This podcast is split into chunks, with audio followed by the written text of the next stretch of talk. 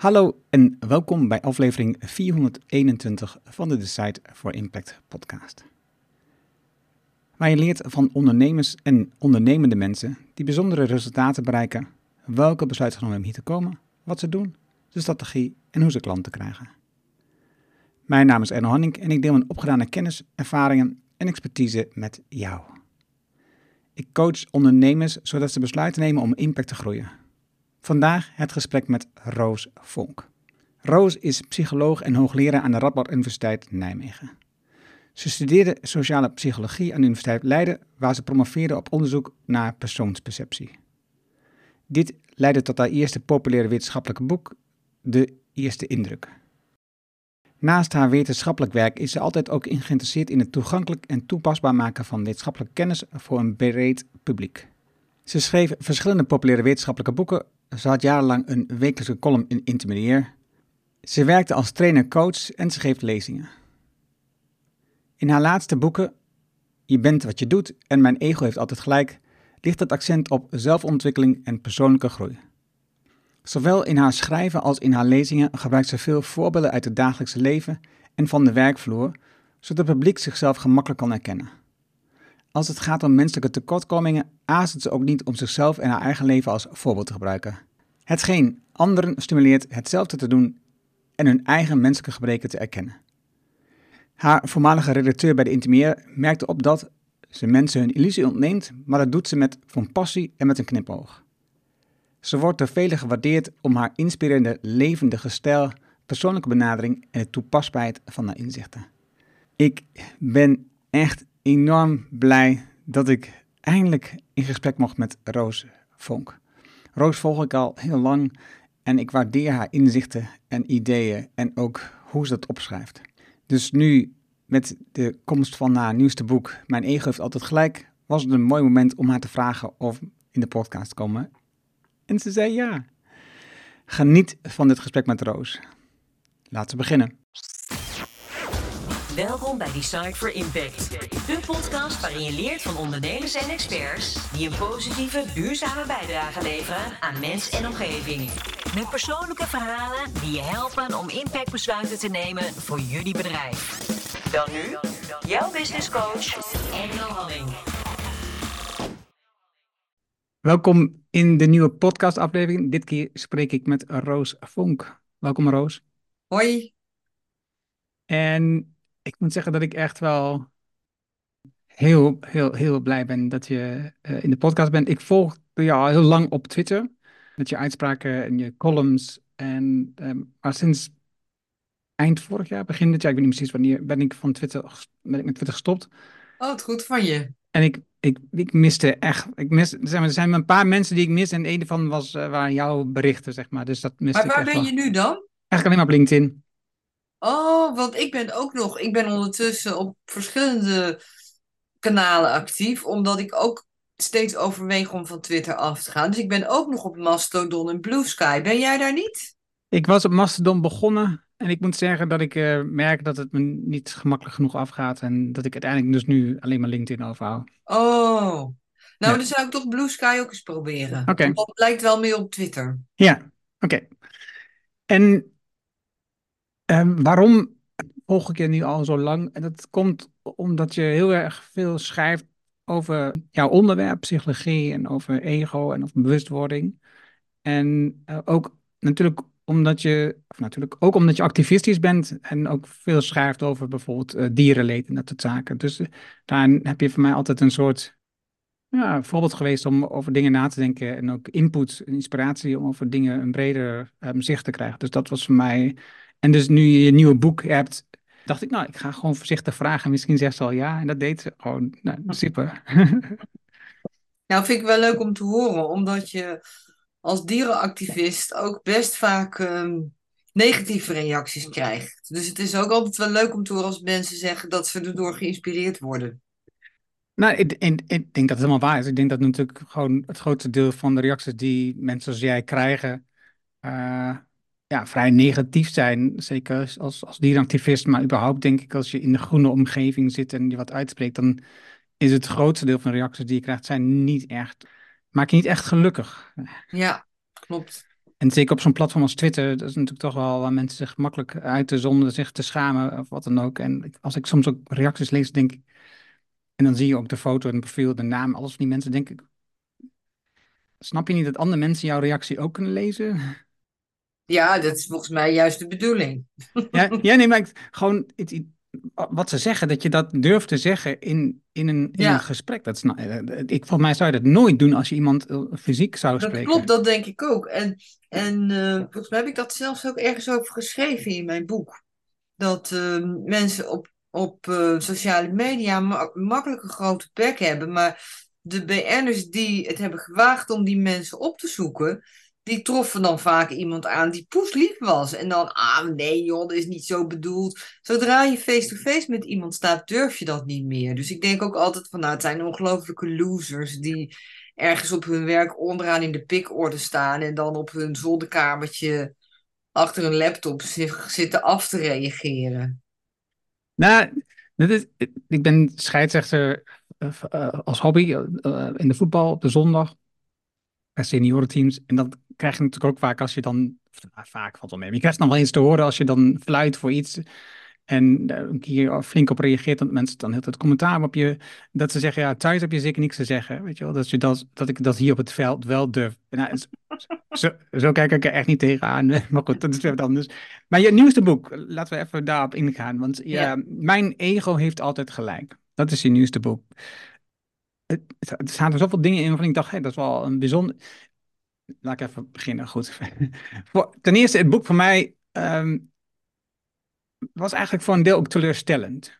De inhoud, over mijzelf. Ja, oh, dat was ook de bedoeling, hè? Dat ik denk van, jezus man, dit is ook echt gewoon, het is ook, ook niks meer te, het is ook, het is ook niet meer te veranderen of zo. Het is ook gewoon, het is Dat staat er ook in, hè, dat het teleurstellend is. Ja, maar, dat, Ja. maar dan nog, dan, dan lees je het en nog heb je, dan denk je, ja, het is echt gewoon onhandig dit verhaal. Ik, ik ben zelf onhandig, ik kan dat nooit meer corrigeren.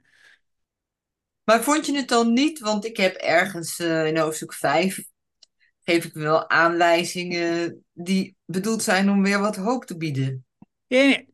Ik, ik heb, ik, heb, ik heb hier ook meer over gelezen, dus ik snap het ook wel. Het is niet dat ik het niet begrijp en ook niet dat- ik niet dingen doe om daaraan te werken. Maar dan nog is het is heel ingewikkeld, zoals je al zelf beschrijft. Het is dat je het zelf vaak niet eens ziet. Hè? Dat je in de gaten hebt dat je, het- dat je het niet het, juiste doet of, Ja. of onhandig reageert. Dat is natuurlijk Maar daar kan je wel op trainen, dat je dat in de gaten krijgt. Oké, daar gaan we het straks over hebben. Ja. Het ego, wat is, wat is er voor jou zo bijzonder aan het ego dat je daar nou al zo lang naar studeert? Ja, dat, ehm, dat werd mij laatst ook gevraagd toen ik werd geïnterviewd door Volkskrant Magazine. Toen hadden we het erover dat ik zei dat eh, in mijn vakgebied sociale psychologie is natuurlijk een beetje de psychologie van het gewone leven. Dat er wel eens grapjes worden gemaakt over dat mensen onderzoek doen naar iets wat ze zelf bezighoudt. Hè? Bijvoorbeeld iemand die zijn hele leven onderzoek doet naar overspel. En waarvan we allemaal denken dat hij het zelf ook ervaringsdeskundige is dan ga je natuurlijk afvragen, wat is dat, waarom is dat ego nou voor mij zo belangrijk? Heb ik dan zelf zo'n groot ego? Toen heb ik verteld dat ik, want mijn oorspronkelijke onderwerp was persoonswaarneming. Dat is waarop ik ben gepromoveerd. En ehm, toen ben ik onderzoek gaan doen naar slijmen, wat ook van invloed is op persoonswaarneming. Weet je, omdat als iemand tegen je slijmt, dan kleurt dat je beeld van die persoon in gunstige zin. En toen, omdat die effecten van dat slijm veel sterker waren en veel ja, moeilijker te veranderen, want mensen trappen erin, zelfs als het ze geld kost, zeg maar, heb ik aangetoond, dacht ik, god, dat ego, dat is echt wel een sterk iets. Dat fascineerde mij. Dat is eigenlijk mijn tweede onderzoekscarrière begonnen. Hè? Dus ik heb eigenlijk drie onderzoekscarrières. Eh, Nou ja, carrière is misschien een groot woord, want ik ben met geen van alle in de wetenschap Ehm, ja, ik bedoel, ik heb wel goed gepubliceerd in internationale tijdschriften. Maar ik ben niet iemand die bovenaan ligt als je het hebt over wie is de grootste expert op dit gebied in de wetenschap dan. Hè? Maar, ehm, dus mijn eerste carrière was ehm, persoonswaarneming. Mijn tweede was ehm, vanaf slijmen was het overgang naar ego's en zelfbedrog en, en zelfverheffing.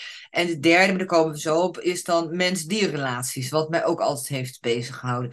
Maar waarom is dat ego zo belangrijk? Kijk, ik denk, dus het, ligt, het lag min of meer in de lijn van waar ik mee bezig was. Maar ik heb altijd, vanaf dat ik student psychologie was, heb ik een fascinatie gehad voor hoe mensen niet de werkelijkheid waarnemen zoals die is. En hoe ze reageren als ze dus een verkeerd idee hebben. Hoe ze, hoe ze dan reageren om toch vast te houden aan hun verkeerde beeld. Dat heeft mij altijd gefascineerd. Van, omdat ik als scholier altijd dacht van, ik ging uit van de rationele mens. Van nou, dan moet je mensen vertellen, zo zit het, en dan is het opgelost. Ja, en als psycholoog leer je heel snel van, dat is niet zo. En ehm, toen ik mijn proefschrift begon, toen wilde ik ook al heel snel weten van, uh, toen het ging over persoonswaarneming, als je een beeld hebt van iemand en diegene doet iets wat helemaal niet klopt met je beeld, hoe reageer je dan? Dus dat was ook al dat thema, daar ging mijn proefschrift over. En ja, het ego is natuurlijk net zoiets. Het ego is een systeem in onszelf. Hè. Er wordt ook wel gesproken over het totalitaire ego.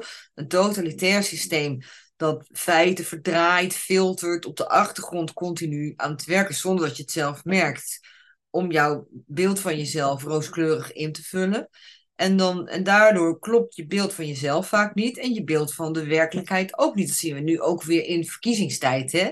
Dat mensen ook op een gefilterde, gekleurde manier luisteren naar de politici van hun voorkeur. Om hun beeld van dit is de beste bevestigd te zien. En, op, en dat, daar is ook onderzoek over, heb ik volgens mij ook ergens genoemd in mijn boek. Dat precies dezelfde uitspraken van een politicus waar je voor bent, dat je die heel anders hoort en invult dan van een politicus waar je tegen bent. Dus dan, dan, dan denken mensen dat ze op de standpunten stemmen. Maar in feite hebben ze zelf alles wat diegene zei gefilterd, zodat ze het ermee eens kunnen zijn. Nou, dus dat zijn allemaal leuke voorbeelden van waar mensen dus niet in contact staan met de werkelijkheid. En dat is ook het motto van mijn boek geworden. Hè? Dat is een citaat van het, het wonder van je brein is niet dat je de wereld waarneemt zoals die is, maar dat je de wereld waarneemt zoals die niet is. Dat is het wonder. Ja, en want je laatste hoofdstuk in het boek gaat ook over uh, politici en hoe die ermee omgaan en ook hoe dat hun beïnvloedt. Dus dat is ook wel interessant, zeker in zo'n verkiezingstijd, zoals we nu in zitten. Want het is nu 20 november en um, woensdag, aan 20 november zijn de verkiezingen. Dus dat is wel een interessant aspect. En zoals je net al beschetst, dat je eigenlijk toch ook een bevestiging zoekt van wat je eigenlijk al je standpunten zijn. Hoe, hoe, hoe doe je dat dan dat je eerlijk onderzoek uitgaat en dan zou je kunnen zeggen, in deze verkiezingstijd, het gaat natuurlijk überhaupt over ehm, onderwerpen die je bezighouden, die, die, waar je als mens, uh, in jouw geval dan de mens-dierrelatie bijvoorbeeld, een belangrijk onderwerp van jou, maar er zijn natuurlijk een heleboel onderwerpen waar je mee bezig kunt zijn, armoede, zo wat te noemen. Hoe doe je dan nou eerlijk onderzoek in, zodat je wat een, een completer beeld van de werkelijkheid krijgt? Nou, als onderzoeker is het een ander verhaal. Hoewel een onderzoeker natuurlijk ook een mens is, die ook precies dezelfde fouten kan maken. En ik ben daar zelf ook alles de mist mee ingegaan, is denk ik algemeen bekend. Maar in principe heb je als wetenschapper, hou je je aan vaste protocollen, procedures. De reden dat ik de fout in ging, was ook dat ik me daar niet aan hield op dat moment. Een beetje in de, in de haast en de waan van de dag.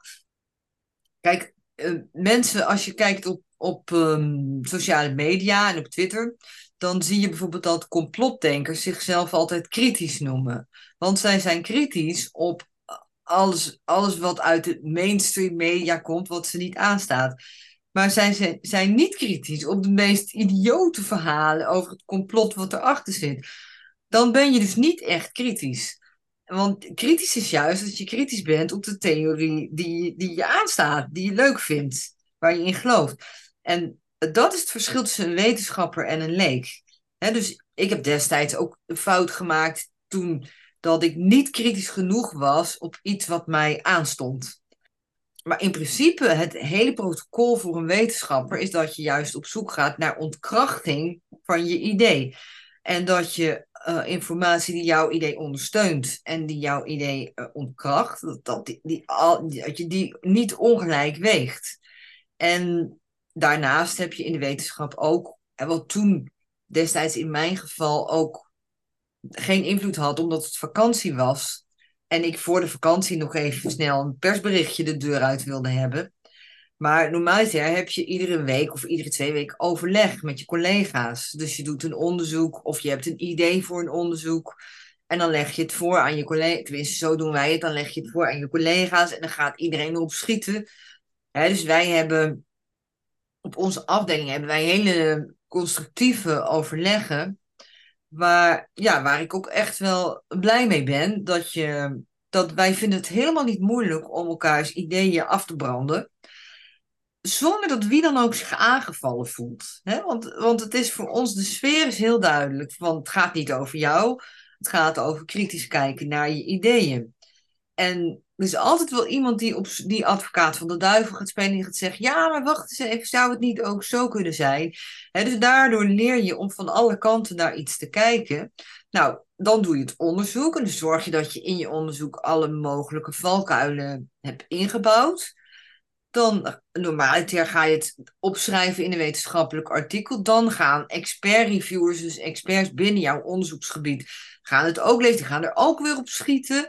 dus er wordt de hele tijd van alle kanten op geschoten. En daardoor ben je als we. En, en de hele wetenschappelijke procedure is hoe je op zoek gaat, hoe je informatie vergaart. Is sowieso al totaal onvergelijkbaar met een leek. Dus voor de wetenschap ben ik niet zo bang. Nee, maar als mens zelf, als je een onderwerp hebt, en, want zo, zo, zo diep als jij dat nu schetst, kan je natuurlijk als mens zelf niet op ieder onderwerp aan de slag gaan. Ik, doe, ik, doe, ik heb bijvoorbeeld zelf een besluitenboek gemaakt, waarbij als je voor een groot besluit staat, dat je het opschrijft voor jezelf, dat je het proces kunt verbeteren.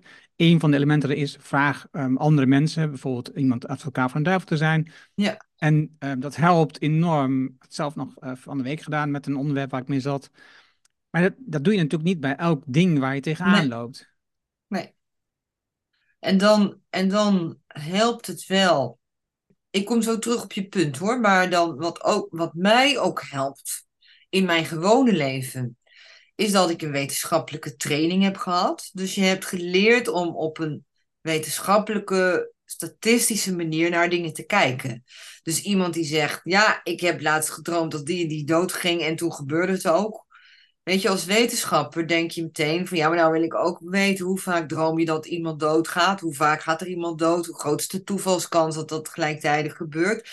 Hè, of, of dat je ook aandacht schenkt aan, ja, maar wat nou al die keren dat je, dat je het niet droomt, dat iets niet gebeurd is. Weet je, daar letten mensen ook te weinig op. Dus basiskennis van statistiek helpt al enorm veel in je eigen leven. En hè, dus ook als ik, als ik denk, weet je, ik heb dan een probleem met, met uh, klusjes die in mijn huis gedaan moeten worden, een schade door wateroverlast. En dan loopt alles fout en dan denk ik, boe, heb ik weer. Maar dan, dan helpt het ook om te denken aan alle keren dat het goed is gegaan. En dat, dat heel veel mensen dit hebben, weet je zo. Nou, om die reden zou ik iedereen wetenschappelijke training uh, en statistiek aanraden. Maar heb je dat niet, dan, ja, dan is dat, dat. Het is wel iets wat je jezelf ook kan aanleren, denk ik, om kritisch te zijn. En het is zo dat je natuurlijk, natuurlijk ga je ervan uit, dat doen we allemaal, dat hoe jij de wereld ziet, dat het ook klopt. En dat beschrijf ik ook in mijn boek. Dat heet naïef realisme. Dus je gaat ervan uit het beeld dat in mijn brein ontstaat. Dat is een juiste, realistische afspiegeling van de werkelijkheid.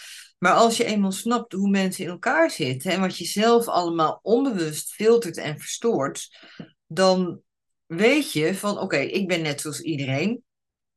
Dus datgene wat ik, hoe ik het zie, dat hoeft niet te kloppen met hoe anderen het zien. En nou, het vervelende van dat inzicht is dat het een soort onzekerheid creëert. Van ja, het zou dus anders kunnen zijn dan ik denk. Eh, voorlopig vaar ik op hoe ik het zie. Dat doe ik ook. Maar ik moet er rekening mee houden dat het misschien niet klopt. Nou, en dan ga je aan andere vragen van hoe zie jij dat? En het, het pure feit dat je er rekening mee houdt, helpt natuurlijk al heel veel. Dan ben je ook niet gelijk van slag als het niet klopt. De, ja, dan, dan sta je ook meer open voor iemand die er anders naar kijkt. Dus ik denk dat dat heel veel helpt. Gewoon het inzicht, het inzicht van zo, zo werkt het. En als ik daar rekening mee hou, heb ik een ruimere blik op de wereld. Want dan zit ik niet vast binnen de, de glazen van de bril waardoor ik zelf kijk. Dan heb ik altijd ruimte daarbuiten voor iets wat er buiten valt. Van, oh, wacht eens even, dat is een aspect waar ik helemaal niet aan heb gedacht.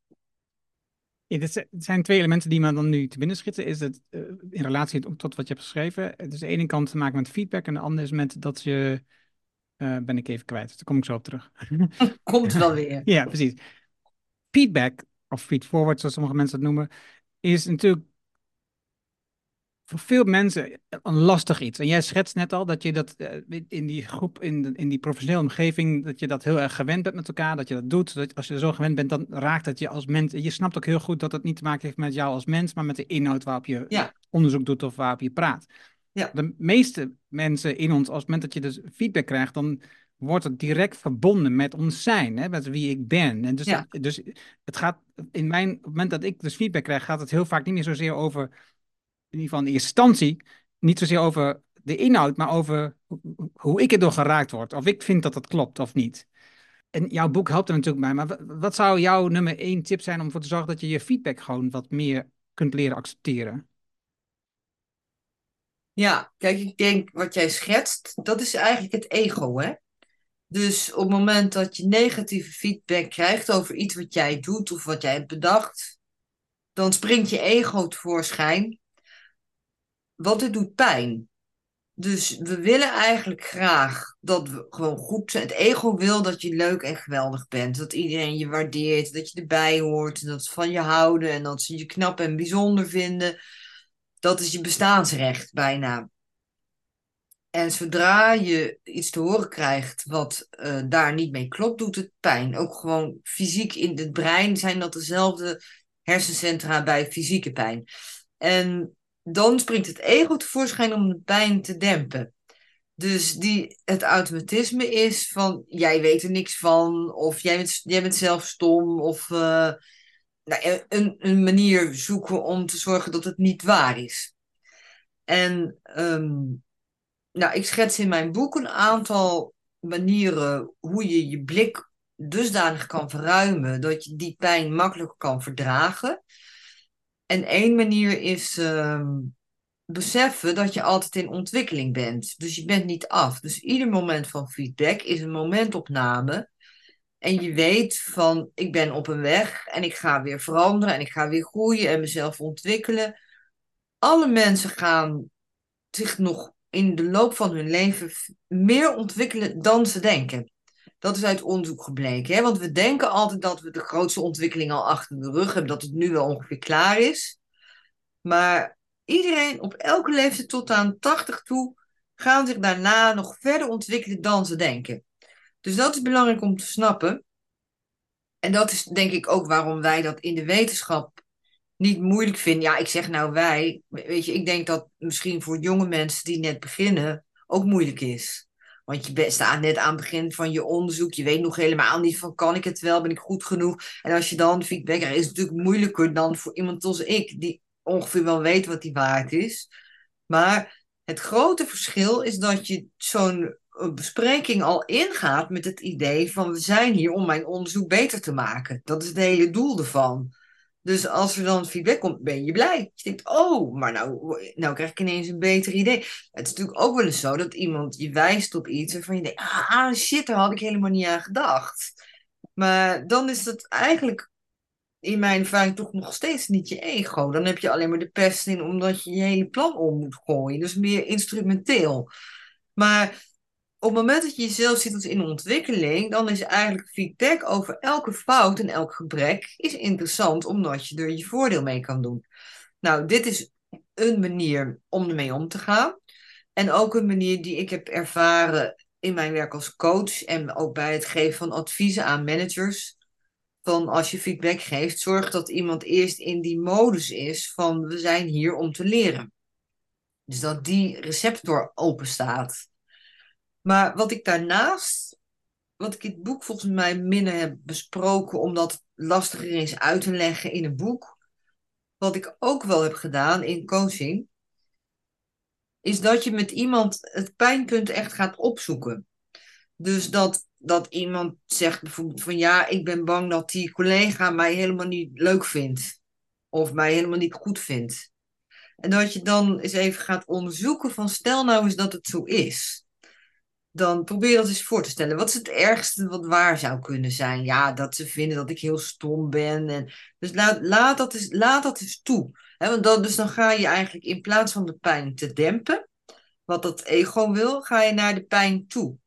En, en als je daar dan een beetje over doorpraat, dan, dan kom je vaak wel bij een moment dat, dat je ziet dat mensen echt geraakt worden. Dan weet je van, oh, nou zijn we er. En soms gaan ze dan huilen. Om, en dan voel je ook echt van, we zijn nou op het pijnpunt gekomen. En, dan, en dat is naar, hè, want dan, dat doet pijn. Maar wat je dan ook altijd ziet, is dat mensen dan ineens ontspannen. Dus dat ze datgene wat ze de hele tijd krampachtig weg proberen te houden, daar zijn ze ineens naartoe gegaan. En op het moment dat je daar bent, dan voel je wel het verdriet en de pijn. En vaak is het dan ook de pijn van, ja, wat zou dat betekenen? Ja, dat mijn leven waardeloos is, dat ik niks kan. dus dat soort existentiële gedachten zitten er dan achter. Maar dan voel je ook dat mensen, dat verdriet wat mensen daar dan over voelen, of die pijn, dat ze het wel kunnen dragen. Dat, ik ga nou even uit van psychologisch gezonde mensen, hè, want iemand die een wrak is, daar moet je dit niet mee doen.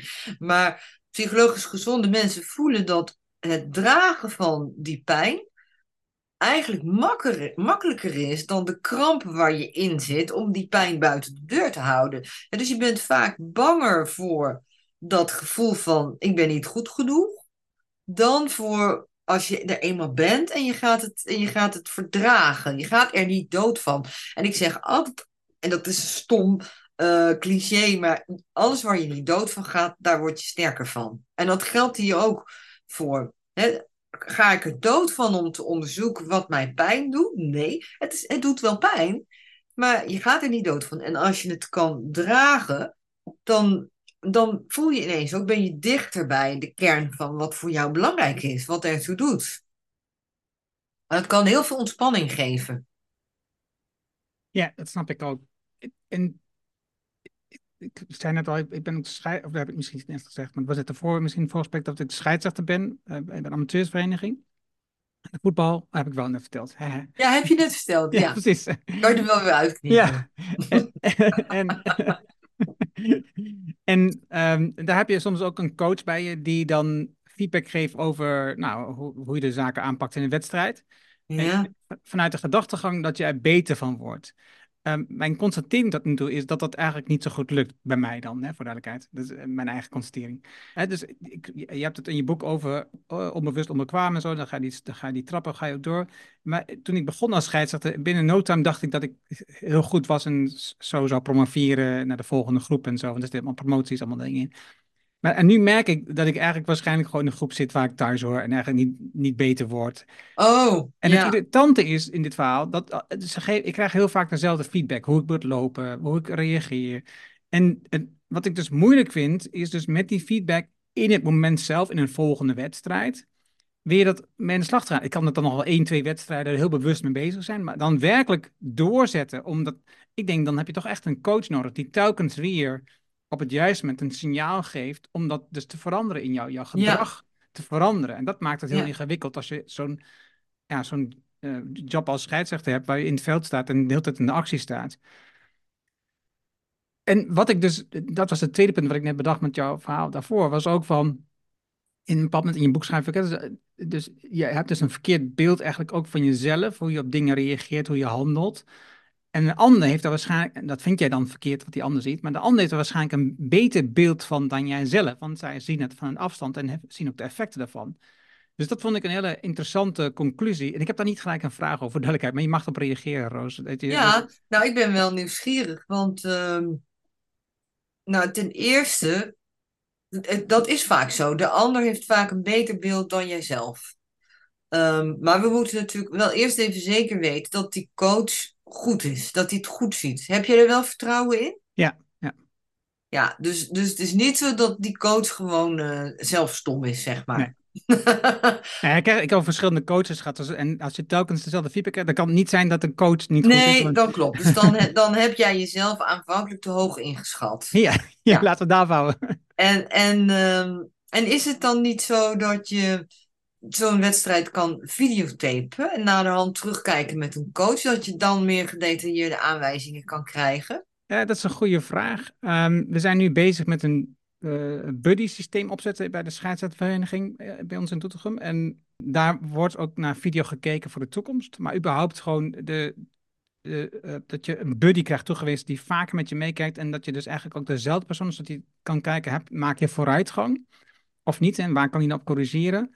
En, we hebben bijvoorbeeld een headset waar je gebruik van kunt maken, zodat je, eh, als het nodig is, in het moment zelf even snel kunt zeggen, oh, ja, nou, nu moet je hier even anders gaan lopen, nu moet je hier even anders reageren. Oh ja. Dat zijn wel ontwikkelingen waar we mee bezig zijn, wa- waar ik zelf, eh, omdat ik dus, eh, dat zo belangrijk vind, ik denk, ja, ik moet daar ook aan bijdragen. Dus ik, ik wil nu ook zo'n body, buddy worden voor andere, voor andere scheidsrechters. Niet dat ik goed kan fluiten, maar in ieder geval, ik kan dat wel overdragen, dat gedrag. Hè? Dus dat, ik denk dat, ik ben wel een goede coach volgens mij, dus volgens mij kan ik, dat wel, kan ik daar wel aan helpen. Dus de, soms is er een videoopname van een veld, maar meestal als je begint, dan begin je in lage competities. Daar is dat weer niet. Het is hoger, je komt er meer kans op dat een videoopname is. Dus, hm. En dan moet ik wel zeggen, ik heb eigenlijk nooit naar video van mijzelf gekeken van zo'n wedstrijd. Nou, dat zou dus wel, want je zei net van het is moeilijk om op het moment zelf gedetailleerde aanwijzingen te krijgen. Maar dat zou dus wel kunnen helpen, lijkt mij. Als je zegt van, eh, ja, ik ga er nog steeds van uit dat ik kan leren van die feedback. Maar je leert er natuurlijk veel meer van als het heel gedetailleerd en concreet is. En je dan ook kans krijgt om dat, om dat eh, t- te oefenen, dat, dat andere gedrag. Maar nou even aangenomen dat, dat je dan niet, in, niet een topscheidsrechter wordt zoals je eigenlijk dacht, hè? Dan, ehm, dan zou dat dus het moment zijn. Hè? Dus aan de ene kant heb je dat stuk van ik ben in ontwikkeling, ik krijg deze feedback om te leren. Nou, dus daarom ga ik zoeken naar manieren waarop je er ook echt wat van kan leren.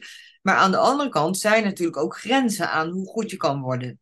En dan zou het kunnen zijn dat je dus een moment, dat er een moment komt dat je zegt van ja, ik kom niet in de topklasse. Ik ben gewoon een gemiddelde scheidsrechter. En dan is het interessant om je die meer existentiële vraag te stellen van wat betekent dat? Wat betekent het als, als iedereen weet van ik ben gewoon een gemiddelde scheidsrechter? En als het waarschijnlijk ook gewoon klopt, dat zal misschien wel pijn doen, want je had eerst het gevoel van ik kan dat beter.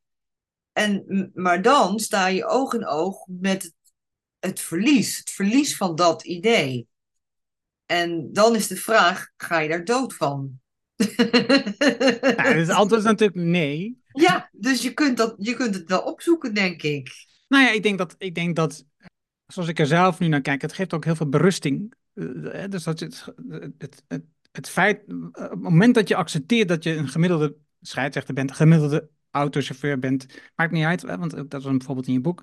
Maar de- als je dat realiseert, dan denk ik ook, dat geeft ook heel veel berusting. Dan weet je, nou oké, ik ga nu gewoon de dingen doen omdat ik het heel erg leuk vind. Omdat ik er gewoon heel veel plezier in beleef. En, en dat ik eh, fit erdoor wil blijven. Dat zijn allemaal elementen die bijvoorbeeld voor mij als Ja. scheidsrechter gelden. Dat zijn Ja. allemaal elementen die voor mij van belang zijn. En dus ehm, als dat die berusting is, dan is het ook makkelijker om te zeggen: Oké, eh, ik, ik ontwikkel nog en ik wil ook graag ontwikkelen, dus ik wil nog steeds wel coaching krijgen. Ja, Ehm, maar ik weet ook dat dat dus niet meer zal leiden tot iemand een toppositie. En dat vind ik helemaal prima. En dan, ik geef ook ergens in mijn boek dat voorbeeld van die tennisspeler, hè? Dat ik zeg van, nou, die droomde dat hij op Wimbledon zou staan. En vanaf het moment dat hij erkent van dat gaat niet gebeuren en dat accepteert, kan hij gewoon lekker tennissen. Precies. En dat is, dat is weer die kramp, weet je? Dus die, die kramp, dat is iets wat, ja, dat is in een boek moeilijk. Ik heb er wel wat over geschreven, maar het is moeilijk uit te leggen. Maar je moet dat toch ook zelf ervaren hebben om het te snappen. Dat je, zolang je het niet oog in oog staat met datgene wat pijn doet, zit je in die kramp. Omdat je ego steeds zal proberen om dat weg te maken. Ja, en ik denk, ik denk ook met name die realisatie dat je, eh, en dat, als je, als je er gewoon statistisch naar kijkt, is dat heel logisch. En dat is het, wat je al zei, dus straks, hè, dus als je statistiek hebt gehad, dat helpt enorm om wat meer realiteitszin te hebben. Mhm. Is, is dat we het allemaal waarschijnlijk onder, in het gemiddelde vallen van wat voor werk, vak, hobby, uh, ding je ook doet. Je zit allemaal in dat gemiddelde. Ja. En um, onwetendheid kan hoogstens dan nog in het begin dan zeggen, ja, nee, ik, ik, ik zal uitgroeien tot de topper in dit uh, gebied. Um, en dat is natuurlijk ook een beetje het verleidelijke van wat ik dan zie als je kijkt bijvoorbeeld naar trainers of marketeers of um, coaches die andere coaches helpen om eh, de, de, top te bereiken of om heel bijzondere omzetresultaten te bereiken, is het precies dat je gebruik maakt van die pijn of van, van dat ongemak dat ze nog denken, ik kan heel veel bereiken en daar veel geld voor over hebben ook meestal. Ja, om dat ja op te pakken. wel. Ja, dat klopt. Dat klopt. De illusie dat je eh, sowieso wat heel erg in onze samenleving zit, van je moet alles uit jezelf halen wat erin zit je beste, unieke talenten. Kijk, en er is op zich niks mis mee. Maar ehm, ik heb daar wel eens een column over geschreven met een uitleg van wat een normaalverdeling is. Ik weet niet of jouw luisteraars dat allemaal weten, maar dat zo, zo, loopt zo. Dus net als met lichaamslengte. De meeste mensen hebben een gemiddelde lengte. En dan zijn er een paar, dat zijn er veel minder, die zijn heel erg lang. En er zijn er veel minder, die zijn heel erg klein. De meeste mensen zitten in het midden. Nou, en zo is het met heel veel kwaliteiten ook. De verdeling van intelligentie is ook dit. De meeste mensen hebben 100. En een groep zit erboven, een groep zit eronder. En, en een hele kleine groep zit uh, in de uiterste. En dat geldt voor heel veel kwaliteit. Ook voor hoe goed scheidsrechters kunnen fluiten, zeg maar. We, we hebben een natuurlijke drang om bijzonder en heel goed te willen zijn. Dus we vinden allemaal, en dat is ook het beter dan gemiddeld effect. Wat ik in mijn boek beschrijf. We vinden allemaal dat we boven het midden zitten. En we willen eigenlijk het liefste dat we bij die hele bijzondere zitten. En voor sommige kenmerken zal dat misschien zo zijn. Maar de statistiek is gewoon dat de meeste mensen normaal zijn. Dus die zitten gewoon. Je bent gewoon net als iedereen. En dat is ook, weet je, ik vind dat ook En heel eerlijk, ik vind mezelf ook gewoon helemaal niet normaal.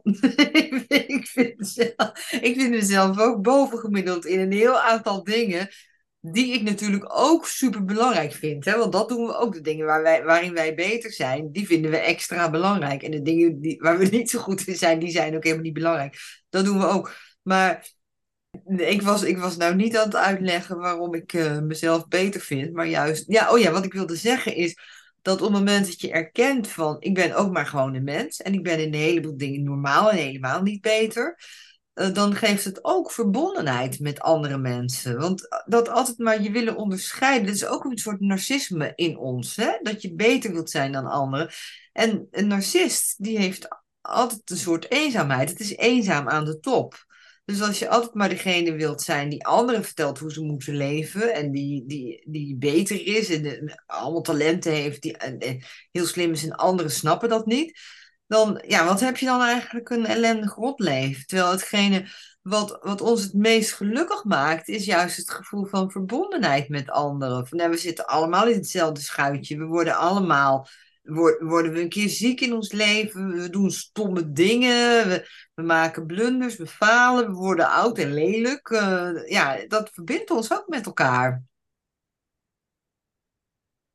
Je had het ook over, dus op het moment dat je dus, dat is even het eerste hoofdstuk in het boek, is dus op het moment dat je dus jezelf steeds beter leert kennen, krijg je meer inzicht en meer realiteitszin. En dus ook daarmee worden mensen iets ongelukkiger.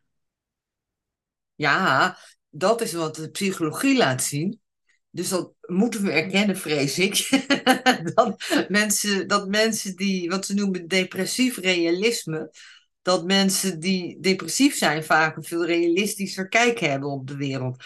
Maar de uitdaging voor mij in dit boek en ook voor mijzelf in mijn persoonlijke leven is natuurlijk juist om tot dat realisme te komen zonder in een depressie te raken en zonder ongelukkiger te worden. Ik, ik moet zeggen, ik vind dat wel moeilijk, gezien hoe het met de wereld gaat. Ik, ik heb wel, denk ik, redelijk goed geaccepteerd dat ik een mens met gebreken ben. Dus naar mezelf toe denk ik dat ik wel aardig op weg ben. Met realistisch, een realistisch beeld van mezelf. Terwijl je natuurlijk nooit een aantal dingen nooit ziet. Realistisch naar jezelf kijken. Accepteren dat niet iedereen je leuk vindt. En zonder dat, mijn, dat dat nou mijn welzijn aantast. Maar als ik kijk naar de wereld om me heen heb, dan heb ik het wel moeilijk daarmee. Dat ik, dat ik de wereld om me heen, hè, dus als het gaat met de planeet, met, met de aarde, gewoon de stommiteiten van de mensheid. Ja, dan heb ik het idee dat ik daar realistischer naar kijk dan de meeste mensen. En daar word je echt niet vrolijk van. En dan denk ik ook wel eens van, nou, ik ben blij dat ik op een gegeven moment dood ben. Hoef ik het niet meer aan te zien. Ja, dat is wel, dat is een ingewikkeld onderwerp waar ik zelf ook wel moeite mee heb, moet ik zeggen. Ik heb, ik praat hier best wel veel mensen over, ook in deze podcast. Pas geleden met eh, Lisa Doeland, die ook bij, eh, bij het Radboud een verhaal heeft gedaan. Maar jij vanavond heb jij ook een verhaal bij het Radboud. Radboud Reflex. En in haar boek... En als dit later online komt, dan wordt dat Radboud Reflex ook, komt ook online. Goed zo, Roos, dankjewel. en eh, Lisa, die heeft dus eh, ook in haar boek Apocalypse heeft het dus ook daarover. Hè? Dus dat, dat, we eigenlijk al in de apocalypse zitten en dat het e- eigenlijk heel erg goed is om dat te accepteren. Dat je dan een nieuwe weg zou kunnen vinden in plaats van de twee uitersten van oké, we gaan harder groeien en vergroenen doordat we groeien of we gaan naar de, naar de, hè, naar de malle moeren en we kunnen toch niks meer veranderen. Dat er echt een tussenweg is als je accepteert, eigenlijk wat we net, al, wat we net ook al zeiden, als je accepteert dat je bij het gemiddelde wordt, dan vanaf dat moment krijg je ook wat berusting en kun je ook dingen opnieuw ondernemen en onderzoeken. En dat, dat schetst zij als de vorderraper. Dus dat je dan opnieuw gaat onderzoeken, oké, wat is nou, wat zou nou een ander eindpunt kunnen zijn, wat we kunnen realiseren met elkaar. Hmm. En ik vind het, dus, ik vind het ook ingewikkeld. Hè? Dus je, want elke keer als je weer nadenkt over bepaalde onderwerpen in je leven mee bezig bent, en denkt van ja, helpt dit nu mijzelf, mijn ego, de dingen die ik belangrijk vind? Of vererger ik hiermee het probleem van de wereld? Persoonlijk bijvoorbeeld, we zijn nu aan het kijken of we een nieuw huis gaan bouwen. En dat is een vrij duurzame wijk in, eh, in, in Doetinchem. Maar ja, daarmee, en we hebben nu een heel groot huis en ja, mijn kinderen zijn het huis uit, dus dan gaan we kleiner wonen. Maar ja, we hebben een huis. Je kunt ook zeggen, oké, dan er verandert niks, dus komen nieuwe, nieuwe grondstoffen te maken. Dus een hele lastige eh, besluitvorming vond ik dat. En ik heb net al gezegd, dan pak ik een besluitenboek erbij, doe ik al voor en tegen, dan vraag ik een aantal andere mensen om ideeën te krijgen, mijn, mijn ideeën te toetsen. Maar dan nog, het probleem is zo groot en zo ingewikkeld dat je ook heel vaak niet weet, wat is nou de beste weg? Wat is nou de beste Hm. oplossing? Ja, Als je, wat je al schetst met eh, de relatie in dier en mens, hè, dus het dierenwelzijn. Ja, dan zou je kunnen zeggen, ja, ik snap als we dus, als we dus kijken naar vlees, het product van vlees, nou ja, er gaan heel veel dingen niet goed op dat vlak. En we kunnen ook heel goed zonder. We kunnen heel goed zonder ehm, vleesproducten of zuivel of dat soort zaken. Maar ja, de hele wereld draait er zo wat op, op dat, op dat, op dat spul, zeg maar. Hoe, Mhm. hoe, hoe veranderen we dat nu dan? Hoe, hoe gaan we daar anders in staan? Want eh, acceptatie is dan misschien, oké, als ik dood ben, dan hoef ik niet meer over na te denken. Maar dat is toch, het is geen, is geen oplossing. Het is niet Nee. dat we niet, dan dragen we niet bij aan de verandering. nee, mijn, mijn, gedachte, mijn gedachte als ik dood ben, hoef ik het niet meer aan te zien, is eigenlijk ook een vlucht. Om, omdat het mij te veel pijn doet eigenlijk. Dus om te zien wat we aanrichten met ja, een prachtige planeet. En ik vind ook, weet je, ik heb die liefde voor dieren altijd al gehad als kind. Dat ik altijd al helemaal niet vond dat dieren minder waren dan mensen. Vond ik echt al- als kind al grote onzin. Dus als je erbij stilstaat, wat we doen, dat doet mij dan eigenlijk te veel pijn. En, en ik heb natuurlijk heel lang gedacht, als scholier, in mijn scholierentijd, van je moet het mensen gewoon uitleggen, dan houden ze ermee op. Maar dat doen ze dus niet. En ja, het bewustzijn erover neemt wel toe. Maar ik denk zowel wat betreft dierenleed als hoe we omgaan met de aarde en het klimaat, dat de wijsheid, als ik probeer om er realistisch naar te kijken, dat, dan denk ik dat de wijsheid toch te laat gaat komen. Dat eh, de, het korte termijn denken van de mens, dus het zit gewoon in de mens om klein te denken. Hè? We zijn geëvolueerd in een wereld waarin ons gedrag niet zulke grote, verstrekkende consequenties had. En waarin we gewoon goed konden functioneren door naar de directe effecten om ons heen te kijken. Zo zijn, is het beestje, de mens, gebouwd. En we hebben aldoende hebben een wereld gecreëerd waarin onze instincten gewoon niet meer werken. Dus dat zie je heel simpel, zie je aan onze behoefte om vette en zoete dingen te eten, wat al lang niet meer adaptief is natuurlijk. Maar je ziet het ook aan onze behoefte om te vertrouwen op wat anderen doen. Van nou, als ik de groep volg, komt het wel goed. Dus ook al niet meer adaptief. En ook om, niet, om, om te kijken naar alles wat hier en nu gebeurt. Hè. Op het moment dat je een wolk CO2 uitstoot, zie je dat niet. Dus je ziet niet dat het gebeurt. Je ziet niet de verstrekkende en latere consequenties van. Dus ons hele systeem is niet gebouwd op de wereld die we gecreëerd hebben. En daarom denk ik dat, weet je, ik probeer wel in mijn eigen leven om zo min mogelijk bij te dragen. Om, om het. Uh, nou, ik wil, gewoon, ik wil gewoon niet dat de vee-industrie geld aan mij verdient. Dat wil ik gewoon echt niet. Want ik vind het zo slecht. Alles, weet je. Niet alleen hoe ze dieren uitbuiten, maar ook hoe ze bossen kappen, hoe ze werknemers uitbuiten. Alles daaraan is slecht. Die krijgen geen cent van mij. Dus dat is, dat is duidelijk. En, ik, en en weet je, ik heb ook wel eens gedacht, boe, er is zoveel dierenleed. Ik, ik geef het op, ik kan nergens iets aan doen. Maar toen heb ik gedacht van nou, ik ga in ieder geval alles wat op mijn weg komt, daar ga ik iets aan doen. Ik kan niet al het leed van de wereld dragen, maar ik kan wel datgene wat op mijn pad komt, daar kan ik wat aan doen. En dat doe ik ook. En dan, dan doe ik dat ook zonder te denken van ja, maar als ik nu iets doe, moet ik die andere honderdduizend dieren ook helpen. Weet je, zo denk ik nou niet meer. Maar maar als ik uh, uitzoom en niet alleen maar naar mezelf kijk, maar gewoon naar de hele wereld, dan, ja, dan zie ik het somber in. En dan denk ik dat het inzicht, het echte inzicht gaat komen als het te laat is. Dus, dus mijn, mijn verwachting is dat in een tijd die ik hopelijk niet meer mee ga maken, en ik heb geen kinderen, dus ik heb echt, uh, wat dat betreft kan ik allemaal zeggen, toedeloe, uh, zoek het maar uit. Eh, want ik geloof ook niet in leven na de dood, weet je. Dus op een gegeven moment ben ik echt overal vanaf. en, en ik vind het heel erg jammer dat ik dan waarschijnlijk niet bereikt zal hebben... of niet heb kunnen bijdragen aan een koerswijziging. Want ik denk dat er een tijd zal komen dat we ja, heel anders gaan leven. Dat we, dat we moeten overleven. Dat we weer teruggaan naar ja, hoe we ooit begonnen zijn als mensen dat we gewoon leefden bij de dag. Van ik moet zorgen dat ik nu. Weet je, de, de, landbouw wordt moeilijk in heel veel gebieden. Er komen branden, er komen overstromingen, er komt ondraaglijke hitte. Dus er komen. En er, komen overal ter wereld enorme vluchtelingenstromen op gang van mensen die niet meer. Er komen steeds meer plekken waar je niet meer kan leven. Dus ja, die mensen gaan gewoon dood. De, de bevolking gaat uitdunnen. En ik, heb, ik denk heel vaak aan, ik weet niet of je het gelezen hebt, een boek van Ellen de Bruin, een roman, waarin ze schrijft over uh, ja, hoe de wereld dan zou kunnen zijn. Ik moet eerlijk zeggen dat ik nou vergeten ben. Oh ja, iets met kraaien in het paradijs. Zo heet het.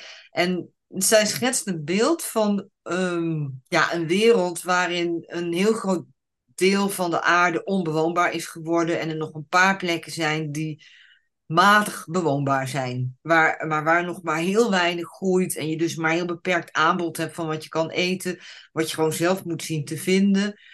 En um, ja, ik vond, ik vond het een mooi boek, maar ik denk er ook vaak aan, omdat ik denk van ja, zo ongeveer gaan we dan leven. En dan, en dan zijn we helemaal niet meer bezig. Weet je, dan kun je wel zeggen van ja, maar de, de mensen die nu bewustzijn hebben, die, die winnen terrein. Op een gegeven moment komt er steeds meer bewustzijn en dan gaan we gaan we veranderen. Maar ik denk dat die ontwikkeling verstoord gaat worden door um, de nood om te overleven en op, en op een noodsituatie te, te reageren. Dan ben je helemaal niet meer bezig met zijn de inkomens wel gelijk verdeeld en hebben we wel genoeg onderwijs. Dan ben je gewoon bezig met ik moet overleven.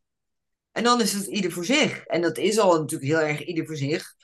Maar tegen de tijd dat het bewustzijn komt dat we te hebberig zijn geweest, dan kunnen we niet meer anders. Dat is wat ik denk. Dus als je naar de evolutietheorie kijkt, dan zou je kunnen zeggen, dan hebben we dus waarschijnlijk straks in de afgelopen 3000 jaar, heeft met gemak 4000 jaar, misschien 5000 jaar. 12.000, zeg maar sinds de landbouw. Oké. Sinds, sinds, sinds, maar dus, dus, we dus dan hebben geleerd dat dus dit, uh, niet, dat dit niet de mensen zijn die het gaan overleven. Dus de evolutie zal straks uh, een verandering met zich meebrengen. Dat die mensen die dat dus hebben nagestreefd, dat zijn wij eigenlijk allemaal van deze tijd voor duidelijkheid, dat die ja. het niet overleven. En dus dan komt er straks een nieuwe mens um, die iets anders heeft bedacht waardoor hij wel overleeft. Ga ik maar vanuit. Nou, ja, weet je, dit is iets waar ik veel over nadenk, omdat ik, ik ben ook al begonnen aan een boek hierover. Schrijven bedoel je? Ja, en, en, maar ik heb het even opzij gezet, omdat het ook veel uh, onderdelen heeft waar ik te weinig van af weet. Dus dat is veel moeilijker dan, weet je, mijn boek over ego's, dat gaat over iets waar ik echt verstand van heb. En dit is iets waar je ook veel meer geschiedenis, uh, antropologie en zo. Je moet er veel meer voor weten dan ik weet. Maar het is wel iets waar ik veel over nadenk. Is van hoe is dat nou met de evolutie van de mens? En hoe gaat die verder? Maar tot op zekere hoogte is onze evolutie gestopt. Want de survival of the fittest hield in dat iedereen die niet, niet, ja, eh, waar, die niet fit genoeg was in, deze, in, de, in de omgeving waarin die leefde, zou uitsterven. Maar wij, nu houden wij iedereen in leven. Weet je, dus mensen die te veel eten, uh, die heel erg dik worden en niet meer. Eh, die in natuurlijke omstandigheden zouden die misschien dood zijn gegaan omdat ze te dik. Ja, ik wil natuurlijk niet aan vetshaming doen, maar ik bekijk de mensen even als dier nou, hè. Dus als er dieren, als er dieren zijn die, zoveel eten dat ze niet meer makkelijk kunnen voortbewegen, hebben ze meer kans om te sterven. Maar dat gebeurt nu niet meer, want wij, wij, helpen, wij helpen elkaar. Dus iedereen met zwakheden, die houden we op de been. Dus in die zin is de evolutie gestopt. Maar als je gaat kijken naar de omgeving waar wij nu in leven, de, de wereld die wij gecreëerd hebben, wie is er dan het meest fit in de zin van het best aangepast aan deze omstandigheden? Dat zijn de mensen die anderen uitbuiten. Die hebben de meeste kansen om voor te bestaan. Dus als je, als je een bedrijf hebt en je denkt, nou ik ga nog even lekker verder met bossen kappen, want zolang het nog duurt loopt het geld binnen bij mij. Dan die mensen hebben, hebben straks het meeste geld. En ook om een plek op te zoeken waar het leven nog, te, nog mogelijk is. Maar jij en ik, hè, met gewoon doorsnee inkomens, wij, wij moeten blijven waar we zitten. Dus wij, statistisch gezien, is de kans groot dat wij, dat wij niet op de beste plek van de wereld zitten. En dan is het dus einde verhaal. Dus, eh, dus, eh, dus wie gaat er dan overleven? De slechterikken, want die zijn het best aangepast aan de wereld die we hebben gecreëerd. Maakt me wel een beetje mistroostig nu. Het was, ja, ik wou net zeggen, het was niet mijn bedoeling om je te putten. Nou ja, nee, nee, maar luister, het is natuurlijk, ik, ik ben het mee eens. Ik denk dat het een super interessant onderwerp is, dus ik ben ook zeer benieuwd naar het boek. Ja, het boek gaat nog even duren. Nee, maar, maar ik ben er nu al benieuwd naar, omdat ik, omdat ik ook van meen, wat jij schetst, het is een zeer interessant onderzoek filosofisch onderzoek misschien wel. Hè? Dus, dus nadenken over wat je schetst. Wie, over, wie zijn het fitst? Nou, waarschijnlijk zo'n Elon Musk die naar Mars vliegt of wat dan ook. Ja, ja precies, die. Ja. ja, en als er mensen zijn onder de luisteraars met brede kennis op het gebied van geschiedenis en antropologie, dan uh, meld je even. Want tegen die tijd heb ik dus uh, meelezers nodig. Maar terugkomend op, er ontstaat een nieuwe mens. Nou, eerlijk gezegd hoop ik dat niet, want uh, die mensen al het nageslacht van deze overlevers. Dat willen we liever niet. Dus ik zou liever zien, maar ik maak het gelukkig allemaal niet meer mee, dus ik hoef het niet te zien. Maar in mijn gedachten gaan ze gewoon allemaal dood. ja, heel, heel, ik ben echt misantroop, zoals je merkt. En, um, maar er ontstaat wel weer een nieuw leven. Dus dat is, hè, de aarde gaat, de aarde gaat wel door zonder ons. Dat is het goede nieuws. Maar wat ik erg vind, wat ik erg vind, is dat als ik, als ik gelijk heb, hè, maar ik bedenk dit natuurlijk niet omdat ik het leuk vind, want ik vind het ook een heel mistroostig scenario. En als ik gelijk heb, dan duurt dit hele proces duurt duizenden jaren. En al die duizenden jaren zullen er heel veel mensen en dieren lijden die hier niks aan kunnen doen. Dat vind ik wel heel erg. Ja, dat gebeurt natuurlijk nu allemaal al. Ja, dat is nu al zo. Nu is het al zo dat heel veel dieren verschrikkelijk lijden. Mensen in armere landen waar ze veel meer last hebben van klimaatverandering. Overal lijden mensen door wat wij doen. En dat, gaat, en dat wordt nog veel erger. En dat zal duizend jaren duren. Dat vind ik heel erg. En dat is waarom ik soms denk, nou, ik ben blij dat ik doodga. Maar ik zie dat ik jou nou echt de put in heb gepraat. Nee, nee, het is, het is in ieder geval, zo heb ik er nog nooit naar gekeken. Dat is- en dat is exact de reden dat ik dit soort gesprekken heb, voor duidelijkheid. Dus ik zoek dit soort gesprekken heel bewust op om te leren, om dingen te leren die ik niet heb gezien, die ik nog niet snap. En, en dat, dat is niet altijd eenvoudig. Hè? Je krijgt soms dingen waar, waarvan je had verwacht, oh, dat is helemaal niet waar ik mee bezig was op dit moment. Hm. Maar wel van belang om te onderzoeken. En dus de ruimte, zoals een podcast deze, om met meer mensen daarover te praten. Dat je meer mensen deelt met deze inzichten van jou. Dat andere mensen ook het snappen. Oh, vrek, wacht even. Het, gaat, het is eigenlijk nog een graadje erger dan ik had verwacht. En het is natuurlijk niet gezegd dat ik gelijk heb, hè? want ik ben natuurlijk echt een leek op dit gebied. Ik kijk gewoon als waarnemer. En ik heb geen speciale expertise op dit gebied. Dus iedereen die mij kan uitleggen dat ik me vergis, graag. Maar dit is wat ik denk. En ik denk dat ik, dus ik mis de expertise. Maar ik denk wel dat ik een redelijk belangeloze, detached positie heb als waarnemer. Omdat ik geen kinderen heb en omdat ik. Ik heb geen vested interest in de zaak. Dus, dus daarom denk ik dat ik het neutraler kan bekijken. Weet je, ik denk als je, als je veel meer midden in de wereld staat. en je hebt kinderen en een gezin. je bent in alles wat je doet, ben je veel meer ingebed in de wereld. dan kijk je anders. Dan kijk je met meer hoop. Ja, en dat, dat zegt eh, Lisa dan ook. Hè? Dus hoop is eigenlijk dan eigenlijk al een verkeerd uitgangspunt. Want dat is dus eh, tegen beter weten in, min of meer, dat je denkt dat het nog goed komt. Ik heb ook gesprekken gehad met Jan-Willem de Graaf, dat is professor in, bij het Saxion in Deventer. En hij zit op het snijvlak van technologie en psychologie. En een van de elementen wat hij beschrijft is dat het dus met name zit op de technologie. hè. Dus technologie die zal blijven doorgaan zich eh, eh, te vergroten.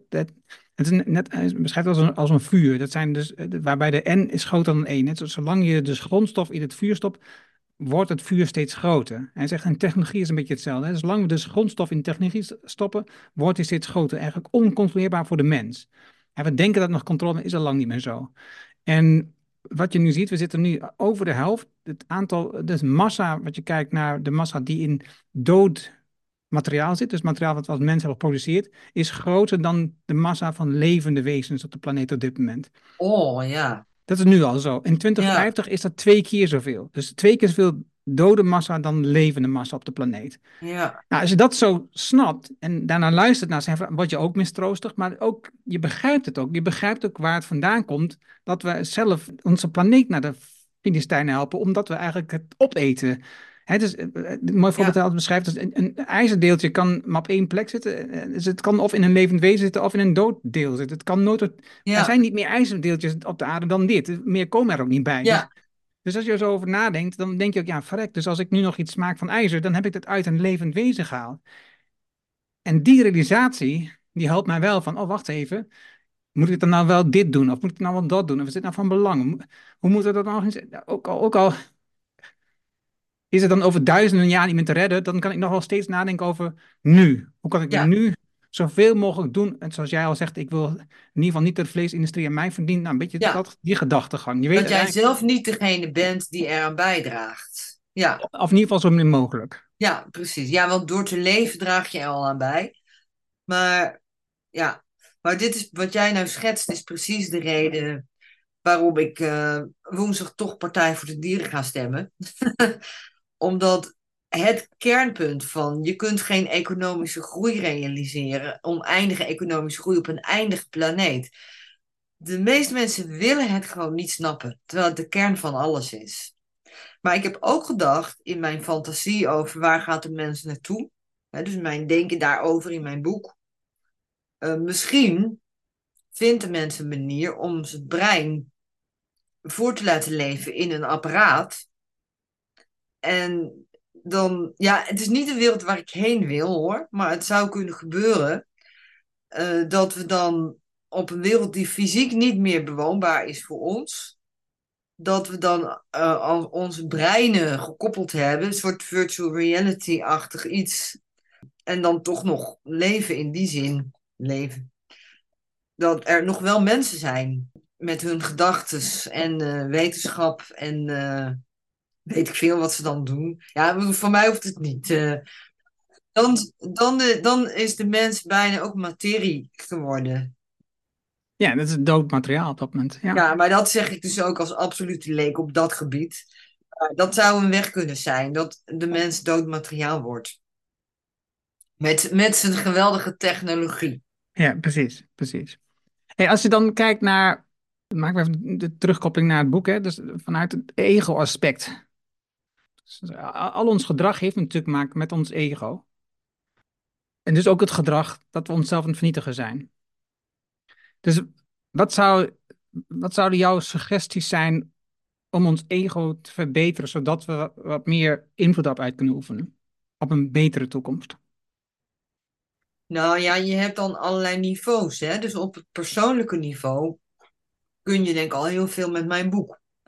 Omdat, omdat het je laat zien hoe het werkt. En dat is eigenlijk het doel. Hè? Dat je gaat snappen van... Ehm, nou, ik ben een mens net als iedereen. En mijn brein en mijn ego werkt dus ook net als bij iedereen. dus wat ik in het begin uitleg, van als het over lichamelijke dingen gaat, dan accepteer je dat. Dus je leest over biologie of over medische dingen, omdat je denkt, nou dan kom ik meer te weten over hoe het bij mezelf van binnen werkt in mijn lichaam. En als, als een arts zegt van nou dit, dit is er aan de hand en zo moeten we doen, dan geloof je dat omdat we accepteren van dat kan je zelf niet zien. Je kunt niet zien hoe je, hoe je hart werkt hoe je nieren werken. Je accepteert dat een ander dat beter weet dan jijzelf. En voor een heel groot deel van onze psyche geldt dat eigenlijk ook. Dus als je mijn boek leest, kom je erachter hoe het, hoe het psychisch werkt. En een heel groot deel daarvan is ook onzichtbaar. En op het moment dat je ziet, oh oké, dus zo werkt het beestje, de mens, zo werkt het brein. Dan, dan leer je dus net zoveel over jezelf wanneer je leest over hoe de nieren en het hart werkt. En als je dat eenmaal weet, dan geeft dat heel veel inzicht. En dan kan je de hele tijd rekening mee houden. En ik, ik doe dat zelf ook in mijn eigen leven. Dus ik bedenk dingen over mezelf of over mijn verhouding tot anderen. En dan is er ook wel een stemmetje wat meekijkt van, oh ja, maar dan heb je nou misschien zo wel misschien te veel naar je toe geïnterpreteerd. En dat vind ik ook leuk. Weet je, dan ga ik met mezelf in gesprek. Dan ga ik onderzoeken van, ja, maar stel nou dat het een heel veel minder rooskleurig scenario is dan jij denkt. Ehm, dan zou het zo gegaan. En dan ga ik een soort worst case scenario zoeken. Van zo kan het ook zijn. Kan ik daarmee leven? Nou, kan ik ook wel mee leven. En dan ga ik met mezelf in gesprek. En dan weet ik van, oh, dit zou ook aan de hand kunnen zijn. En, en dan weet ik het natuurlijk niet zeker. Maar ik vind het dan wel fijn dat ik die gedachte heb onderzocht, die mogelijkheid. Nou, dus dat is, volgens mij is dat een manier om tot persoonlijke ontwikkeling te komen, omdat je je perspectief verruimt, omdat je rekening houdt met de mogelijkheid dat het anders zit dan je dacht. Dat je ook geïnteresseerd kan zijn daarin, hè? dus niet bij voorbaat van Jack, klopt niet, maar geïnteresseerd. Oh, dat je ook een beetje voelt dat je gekieteld wordt van, hé, hey, het zit heel anders dan ik dacht. En dat is ook leuk. Nou, dat is op het persoonlijke niveau. Op het niveau van de mensheid is dat natuurlijk veel moeilijker, omdat een systeem, hè, de samen, want ik schrijf in mijn boek in het laatste hoofdstuk ook over het ego van de samenleving en het ego van de hele mensheid. Hè, en de hele mensheid, daar bedoel ik dan mee dat wij onszelf als soort ook beter vinden dan andere dieren. Dat is ook ego. Daar is gewoon biologisch gezien berust dat helemaal nergens op. Dat hebben wij zelf bedacht. Dus wij van WC Eend noem ik dat. Dat wij intelligenter zijn, beter. Het bijzondere van de mens is dat ze zo goed kunnen samenwerken en zo goed alles kunnen afstemmen. Dus ieder mens kan, kan dingen doen, weet je, op een motor rijden, harde muziek maken en da, Ik ben een hele, hele kerel met dingen die je nooit zelf gemaakt zou kunnen hebben. En dat hebben andere mensen voor je bedacht. Dus wij, wij maken allemaal dagelijks gebruik van dingen die anderen voor ons hebben bedacht, onze medemensen, door samen te werken. En daardoor zijn we gekomen waar we zijn. En daardoor gaan we ook met z'n allen de afgrond in. Want we, we, we, zitten, we zitten veel te veel in dat hele systeem wat we samen gebouwd hebben. Dus dat is veel moeilijker te veranderen, omdat het veel logger is, zoiets groots. ja, dan kan ik wel eh, ergens een stuk schrijven als ik, het al, als ik het al ergens gepubliceerd krijg. Want het is nog helemaal niet zo makkelijk om in, in, in gezonde stukken in de krant te krijgen. Maar zelfs als, weet je, er is natuurlijk verder niet op wereldschaal iemand die zich daar wat van aantrekt. En sterker nog, mensen die veel beter zijn dan ik, die waar op wereldschaal naar geluisterd wordt, die hebben ook al geen invloed. Dus, ja, dus daarin kom ik niet verder. Dus het enige wat ik voor mezelf bedacht heb, van nou, ik ga in mijn leven, ga ik de dingen benoemen zoals ze zijn. Ik ga oog in oog met de realiteit. Dit is wat ik denk dat er aan de hand is. En ik heb altijd geleerd uit boeddhistische training van dingen, dingen komen pas in beweging als je ze gaat zien zoals ze zijn. Dus ik, heb, ik probeer mijn oplossingsmodus uit te zetten. En alleen maar oog in oog te staan met de realiteit zoals die is. Dat is voor mij de uitdaging. Dat is moeilijk genoeg. En op het moment dat je oog in oog staat met de realiteit zoals die is. En je probeert het niet anders te maken dan het is dan zie je vaak dat dingen gaan bewegen. Maar dat de mensheid dat als samenleving doet, dat zie ik niet gebeuren. Want je ziet nu ook weer in verkiezingstijd, degene die de mooiste fabeltjes vertelt, die wint de verkiezingen. Dus je vertelt het volk, we hoeven stikstofprobleem niet op te lossen. We kunnen het klimaatfonds wel schrappen scheelt een heleboel geld. Mensen denken, ah mooi, dan is dat van de baan. En dan komen ze niet aan mijn inkomen. En die winnen. En dat is dus de manier om niet oog in oog te staan met hoe het is en ook om niks te veranderen. Dus daar kan ik geen hoop bieden. Mijn enige hoop is uh, het zien zoals het is. Voor mezelf, meer kan ik niet doen. Ja, dat vond ik een hele mooie. En niet uitgaan van een mogelijke verandering, maar het zien zoals het is als startpunt nemen. En dat in interpersoonlijke situaties werkt dat. Dus op kleinere schaal. Op het moment dat je in contact staat met de wereld zoals die is, dan zie je vanzelf vaak dat dingen in beweging komen. En dus, dus in, het, in het interpersoonlijke verkeer werkt dat, maar in de samenleving zie ik dat niet gebeuren, want het is te groot en te log en te veel. Je hebt aan zich natuurlijk wel een mooie plek op de universiteit waar je les geeft om in ieder geval de jongeren, uh, jongvolwassenen die daar tegen, om, om in ieder geval dit beeld mee te geven. Ja, en, en uh, kijk, uh, in dat opzicht ben ik heel bevoorrecht. Want ik kom op de universiteit in contact met, met studenten die heel erg al bezig zijn hiermee. En ervoor openstaan en eraan willen werken. En geïnteresseerd zijn in dit verhaal. Ik heb collega's die gewoon slim en leuk zijn. En uh, ja, bedoel, als ik zie wat ik af en toe tegenkom op sociale media, dan ben ik wel blij dat ik uh, in een andere wereld leef. Ja. ik wil zo afsluiten. Er is nog één onderwerp waar ik erg geïnteresseerd ben naar jouw visie. En dus even een sprongetje, want het is eigenlijk heel wat anders. En in je boek heb je het een bepaald moment over uh, dat je op onderzoek uitgaat naar dingen uit het verleden die zouden verklaren, kunnen verklaren wat, uh, waarom je dingen vandaag doet. In de laatste paar gesprekken en podcast is een paar keer naar voren gekomen de pijn die we ervaren als maatschappij of als individu uit het verleden. Dus de, de intergeneraliseerde pijn of misschien wel de pijn vanuit het dat wij de onderdrukkers zijn geweest heel lang. Nou, misschien steeds nog wel. Maar in ieder geval, hè, dus als je kijkt vanuit de VOC-tijd of als je kijkt van uh, landen die van. Hè, nu de discussie in, in Israël bijvoorbeeld, wat heel lang natuurlijk van Engeland is geweest.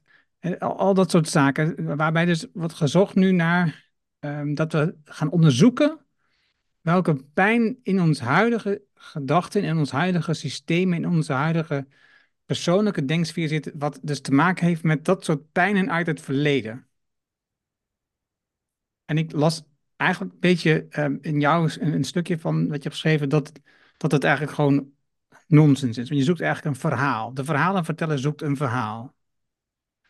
Heb ik dat goed begrepen of niet? Ja, nou dan begin ik met zeggen dat als het gaat over de pijn uit je eigen leven, dat, het vaak, dat mensen vaak denken van ik moet terug naar mijn verleden, naar je eigen persoonlijke verleden. Ik moet terug naar mijn verleden, wat ik heb meegemaakt met mijn ouders of met mijn leraar of weet ik wat. En dan moet ik dat allemaal doorvoelen om te kunnen snappen wie ik nu ben. Daar geloof ik dus niet in. Dus ik geloof wel wat ik ergens schrijf, dat het mensen kan helpen om een gevoel van greep, grip op zichzelf te hebben als ze een verhaal hebben. dus wat je vaak doet in wat ze noemen inzichtgevende therapie dat je vaak samen met je therapeut aan een verhaal werkt.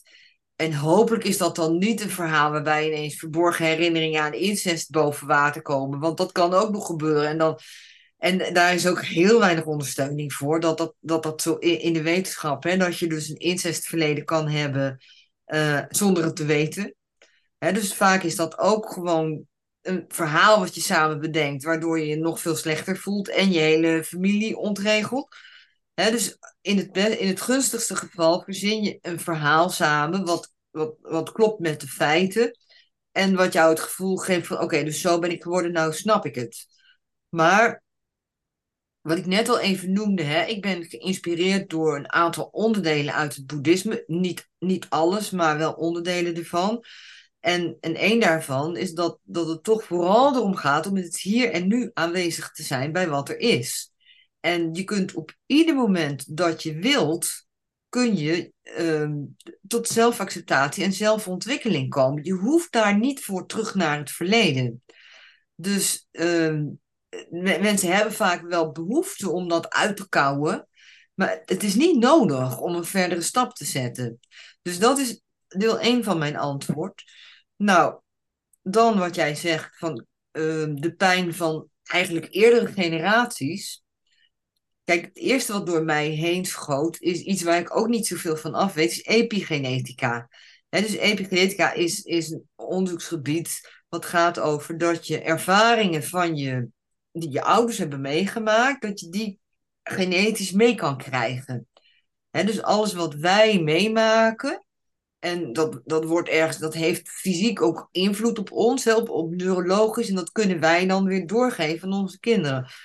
Dus je kunt stel je neemt um, overlevenden van de holocaust of zo, dan, dan kan ik me best voorstellen dat die iets hebben meegekregen van wat hun ouders hebben meegemaakt. Dat kan, lijkt mij. Maar nogmaals, ik ben geen expert op dit gebied, dat lijkt mij. Maar neem je overlevenden van kolonialisme, dan kan ik me dat helemaal niet voorstellen, want die, zij hebben niet geleden. Dus zij, zij hebben het gewoon goed gehad. En uh, zij hebben tot het eind van hun leven waarschijnlijk niet eens geweten wat ze hebben aangericht. Dus daar kan ik me helemaal niks bij voorstellen. Dus op het moment dat je daar nog onder lijdt, dan is het omdat je zelf zegt van ik ben nageslacht van die en die en zij hebben dit gedaan en dat vind ik erg. Ja, maar dat vinden we eigenlijk allemaal erg.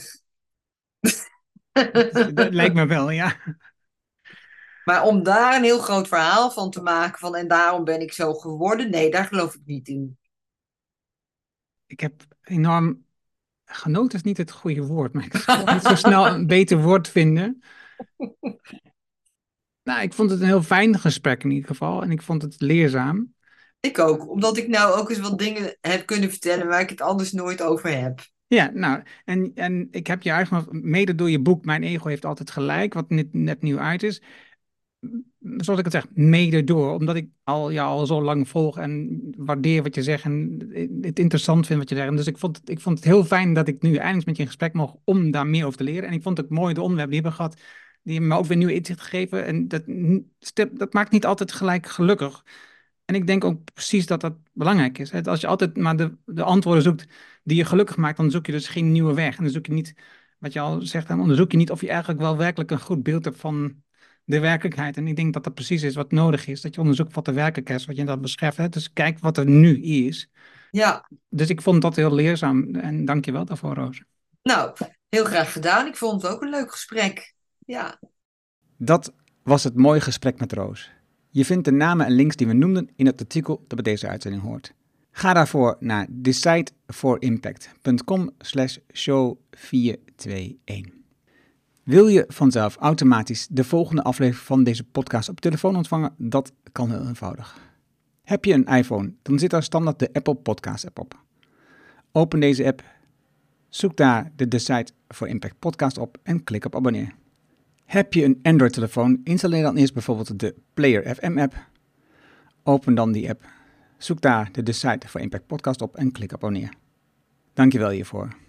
Heb je vragen, opmerkingen, reacties over deze aflevering met Roos of over de podcast in het algemeen? Stuur dan een e-mail naar podcast@decideforimpact.com. Ik hoor super graag van jou. Wil je leren hoe je focus en energie vindt met jouw innerlijke kompas? hoe verbinding in je team het verschil maakt, hoe je vertrouwen krijgt in je collega's en hoe je een moedig mens wordt. Download dan het boek Impact Besluiten waarmee je nieuwe medewerkers aantrekt op de site voor impact.com. Dit is mijn nieuwste boek en je downloadt het daarom nu helemaal gratis. Je hebt zelfs geen e-mailadres nodig. Vraag jouw boek nu aan op decideforimpact.com en ik weet het een volle agenda, je leest het in één avond tijd. Dankjewel voor het luisteren en graag tot de volgende. Dankjewel voor het luisteren naar deze aflevering van de Decide for Impact podcast.